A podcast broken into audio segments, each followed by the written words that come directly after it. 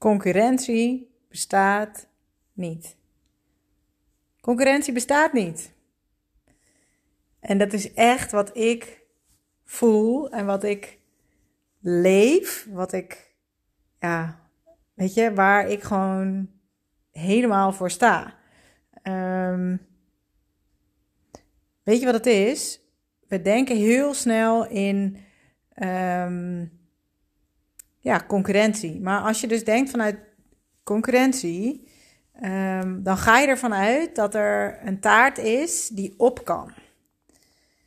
En als je niet gelooft in concurrentie, zoals ik, uh, en als je dus ook gelooft dat ieder zijn eigen klanten heeft, um, dan bestaat concurrentie niet. Ja, dit klinkt misschien echt heel wazig, um, als ik het zo zeg. Um, maar ik geloof gewoon niet dat concurrentie bestaat. En ik, uh, ik ga proberen er vandaag weer een korte van te maken. Um, dat is me wel goed bevallen. Um, ik heb in mijn uh, bestaan als nou, ritueelbegeleider, werkzaam zijn in de uitvaartbranche, uh, de verschillende rollen die ik heb, heb ik al meerdere keren te maken gehad met het concurrentiegevoel. En dat hoeft niet altijd ook meteen benadrukt te worden als concurrentie, maar uh, concurrentie, als jij je collega's ziet als concurrentie, dan leef je dus eigenlijk vanuit angst. Um, dan ben je bang dat als je iets met iemand anders deelt, dat je um, nou, niet goed behandeld wordt. Um, misschien ben je al wel eens uh, teleurgesteld door iemand. Um, en heeft dat jou gesterkt in het idee van, ja, zie je wel, ik kan hier niemand vertrouwen? Of um, ja, als ik dan uh, heel open ben, dan uh, um, ja, word ik gepakt of genaaid. Of, nou, hè, weet je, ik, ik ken alle verhalen, want dat is dan weer, ja, vanuit mijn positie uh, ben ik altijd een beetje onschuldig. want ik ben als ritueelbegeleider, werk ik met iedereen samen. maar ik weet hoe uh, uitvaartbegeleiders elkaar soms het licht in de ogen niet gunnen. Um, en dat is zo zonde, want ik geloof echt dat als je. Um, weet je, we hebben niet allemaal dezelfde vrienden. Dus hoezo ben je dan bang dat je klanten um, ja, bij elkaar weghaalt? Of dat, dat, weet je wel, waarom ga je dan jagen op dezelfde klanten? Volgens mij begint het erbij dat je uh, staat voor de klanten die jij graag wil. Um, en ik geloof gewoon niet dat je allemaal precies dezelfde klant kan bedienen. Um, en ik, ik hoor mezelf praten hoor. En ik ga proberen om het punt nou ja, nog duidelijker te maken voor je. Maar um, ja, wat bijvoorbeeld een, een, een iets is. Ik heb wel eens met mensen samengewerkt uh, waarin we dan bijvoorbeeld documenten moesten delen met elkaar. Ik wil echt alles zo, alles wat ik heb, mag je zo van me zien, dat kan ik met je delen. Waarom? Omdat als jij met mijn tekst aan de haal zou gaan, of jij zou mijn dingen kopiëren, vragenlijsten, uh, de dingen die ik al bedacht heb, die ik al gemaakt heb. Um, ik geloof dat als jij die één op één kopieert, dat ze voor jou niet werken. Ik heb ze namelijk gemaakt. Um, dus ik ben niet bang dat jij daarmee aan de haal gaat. Ik zou denken, ja, doe er je voordeel mee. Uh, en, en maak het zodat het voor jou werkt. Daar zit voor mij nul iets op van, oh, je moet me daarvoor betalen of dit is kennis die ik weggeef. Nee, ja, ik, ik, ik geloof er echt in dat die kennis of die, datgene wat ik met jou deel, dat het op een andere manier weer bij mij terugkomt. Um, dus ik verwacht daar ook niks voor. Begint ermee ik deel alleen met mensen die, met wie ik het ook wil delen. Dus als ik geen goed gevoel bij iemand heb, dan ben ik niet zo open. Maar als ik een goed gevoel bij je heb, uh, dan wil ik alles met je delen. Um, net als klanten, um, ik ben wel eens voorgesteld als: uh, dit is mijn minder ervaren collega. Dus op het moment dat iemand een uitvaart niet kon doen of een, een klus niet kon doen, uh, dan werd ik aanbevolen als de minder ervaren collega. Ja, en dat heb je misschien al wel gehoord in eerdere podcasts. Maar daar zit natuurlijk een. Daar zit ook iets van angst onder. Namelijk dat je bang bent dat ik beter ben dan jij of een behoefte om mij kleiner te maken dan jij. Ehm, weet je, ik weet van mezelf waar ik goed in ben en wat ik goed kan. Ehm, ik doe bijvoorbeeld, ik schrijf al mijn teksten uit. Ja, er zijn ook collega's die dragen het alleen maar voor. Ehm, ik weet dat mijn teksten een bepaalde kwaliteit hebben.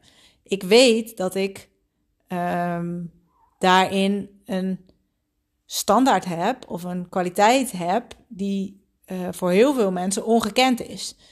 Uh, mensen die uitvaarten van mij hebben gezien, die hebben echt zoiets van: holy shit, wat doet zij? Ik heb dit nog nooit meegemaakt.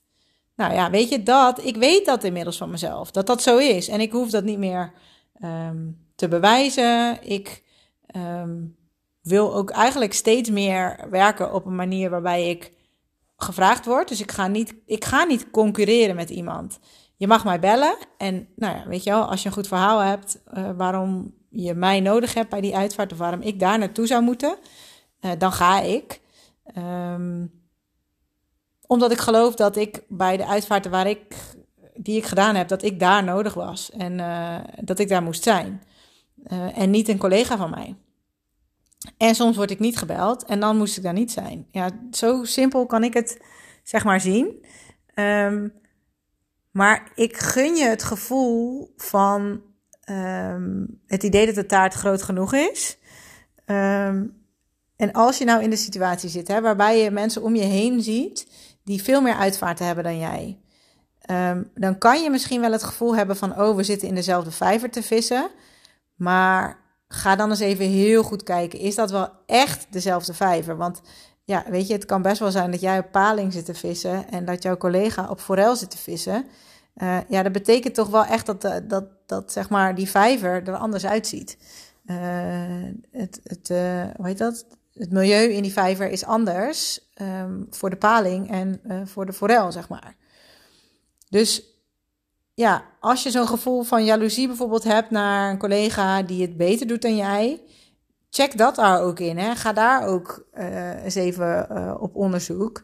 Um, en keer hem ook vooral om. Dus voel van, hé, hey, maar wat zou ik dan graag willen? En dat gevoel wat je hebt, die jaloezie, ga onderzoeken waar dat dan op zit. En ik durf je bijna nou, met 100% zekerheid te zeggen dat die vaak niet zit op het feit dat iemand jouw uitvaarten um, doet. Of dat hij jouw klanten bedient. Ik, daar geloof ik niet zo in.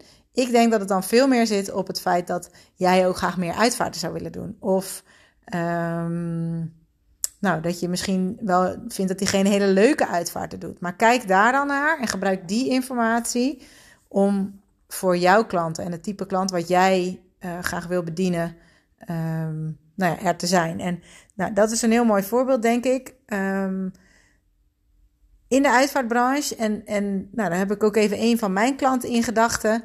Um, zij is heel introvert. En dat is een prachtige kwaliteit uh, als je hem oont. Dus de, weet je, de rust die iemand die veel meer naar binnen gericht is met zich meebrengt. Um, dat is een heerlijke kwaliteit voor gezinnen waarbij ze zelf heel veel willen doen. Dan is zij degene die op de achtergrond aanwezig is, die ervoor zorgt dat de familie zijn eigen ding kan doen en dat zij op het moment nou, dat er hulp nodig is, er voor de familie is. Als zij er niet is, kan de familie veel minder fijn en los en, en nou ja, in zekerheid zeg maar um, een, een, een mooie uitvaart maken. Als zij op deze manier in haar functie is, dan is zij maximaal van meerwaarde voor de familie. Als zij zich gaat vergelijken met een collega um, die uh, veel extraverter is uh, en die op een hele andere manier voor haar familie zorgt, um, als ze zelfs gaat proberen om die extraverte collega te zijn, uh, omdat ze nou, misschien zelf overtuigingen heeft dat extrovert meer waarde heeft dan introvert zijn. Um, dan wordt het hard werken, want dan ben je dus iemand anders aan het zijn. En zo, als je op deze manier bij jezelf weggaat, dan wordt het inderdaad heel hard werken voor jezelf, want dan ben je dus iemand aan het nadoen en dan ben je dus niet jezelf. En wat kost jou de minste energie uiteindelijk om gewoon helemaal jezelf te zijn? Want dan kan je heel dichtbij blijven en nou ja, ook maximaal uh, van waarde zijn voor je klant. Ehm, dus wat ik je gun is dat je gewoon helemaal jezelf kan zijn. Met al je kwaliteiten. En, en nou ja, weet je wel, op twee benen staan. En op die manier er voor jouw familie zijn. In nou ja, hoe dat spectrum er voor jou dan ook uitziet in al je kwaliteiten. Ehm, ja, en ik, weet je, daarin, dat, ik had vandaag een groepsessie uh, met mijn klanten uit het coachingstraject. Uh, ja, ik kijk daarin heel graag met je mee. Van wie, welke vijver zit je te vissen? Um, en is het eigenlijk wel de goede vijver? Zit je wel in een goede vijver te vissen? Of zou het eigenlijk beter een andere vijver moeten zijn? Uh, of misschien moet jij wel helemaal geen visser zijn en moet jij gewoon uh, langs de kant zitten, bolletjes aas maken. Weet je, even heel plat gezegd. Um, ja, om hem af te ronden. Ik, uh, ik geloof niet in concurrentie. En um, ik hoop dat ik je met deze podcast mee heb kunnen nemen in mijn denkwijze. Waarom ik niet in concurrentie geloof. Um, en als je hem geluisterd hebt, sowieso vind ik het leuk als je dat op Instagram wilt delen. Uh, dus even een screenshot maken van deze opname, mij taggen. Um, ja, en, en nou ja, delen wat je eraan gehad hebt. Uh, would be much appreciated. Um, ja, ik, uh, ik, nou, ik ben benieuwd wat je eraan hebt gehad. En ik ben er morgen weer met een nieuwe podcast. Tot dan!